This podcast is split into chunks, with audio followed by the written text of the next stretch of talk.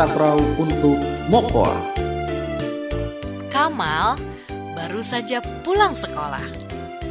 Hari ini ia berniat memamerkan bola takraw dibeli dengan tabungannya sendiri kepada sang ibu. Namun, Kamal malah mendapati ibunya terpaku sedih di depan televisi. Kamal pun mengurungkan niatnya.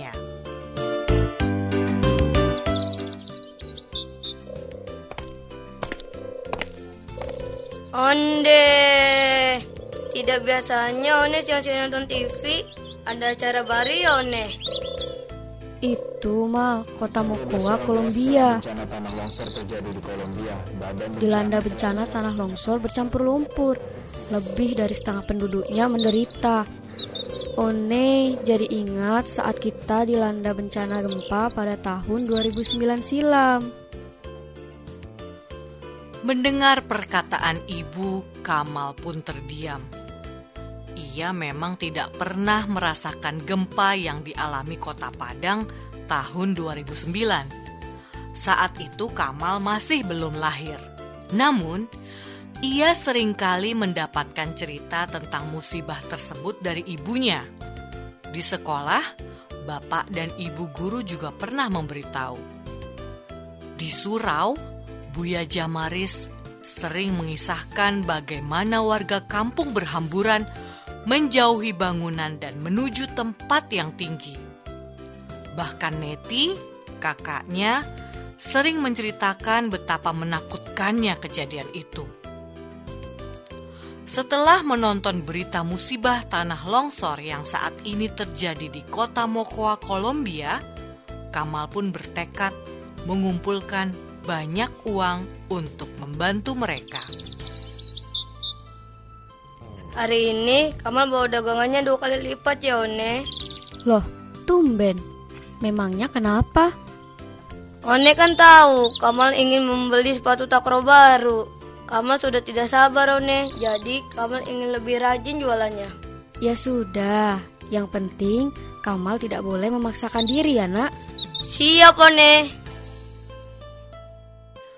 Berkat niat baiknya, jika pada hari biasa Kamal menyisakan dua atau tiga jajanan, hari ini Kamal mampu menjual dua kali lipat jajanan ibunya tanpa tersisa.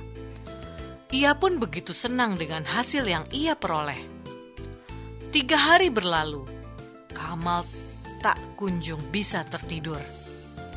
Ia terbayang penderitaan masyarakat Mokoa, Kolombia.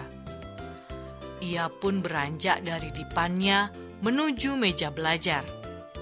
Bergegas ia membuka laci meja tersebut.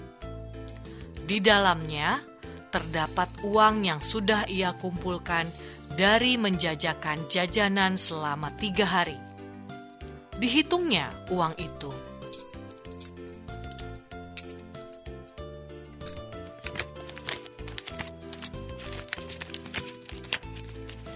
Mendapat jumlah yang tak seberapa, Kamal pun bersedih.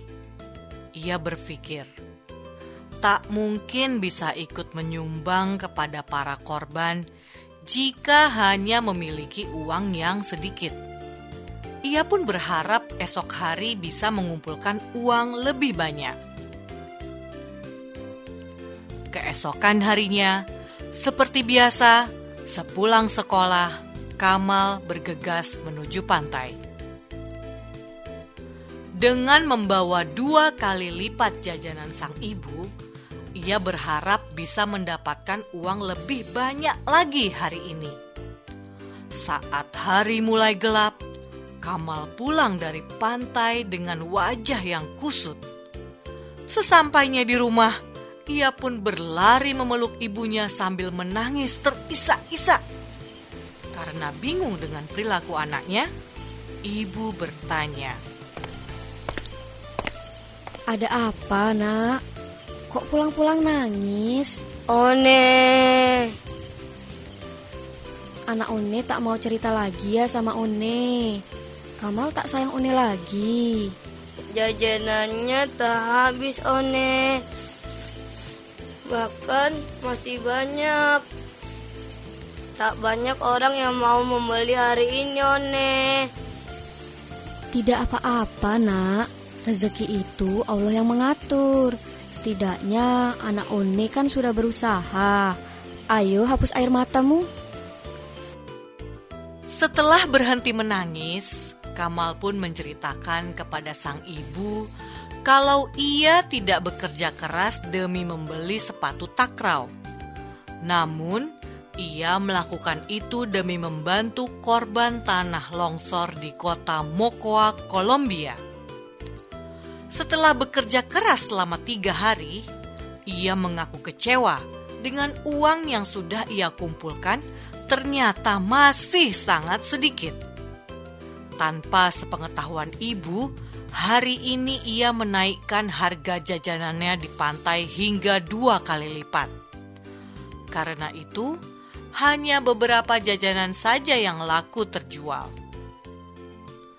Mendengar pengakuan Kamal, ibu pun berujar bahwa ia kecewa dengan perbuatan yang telah Kamal lakukan.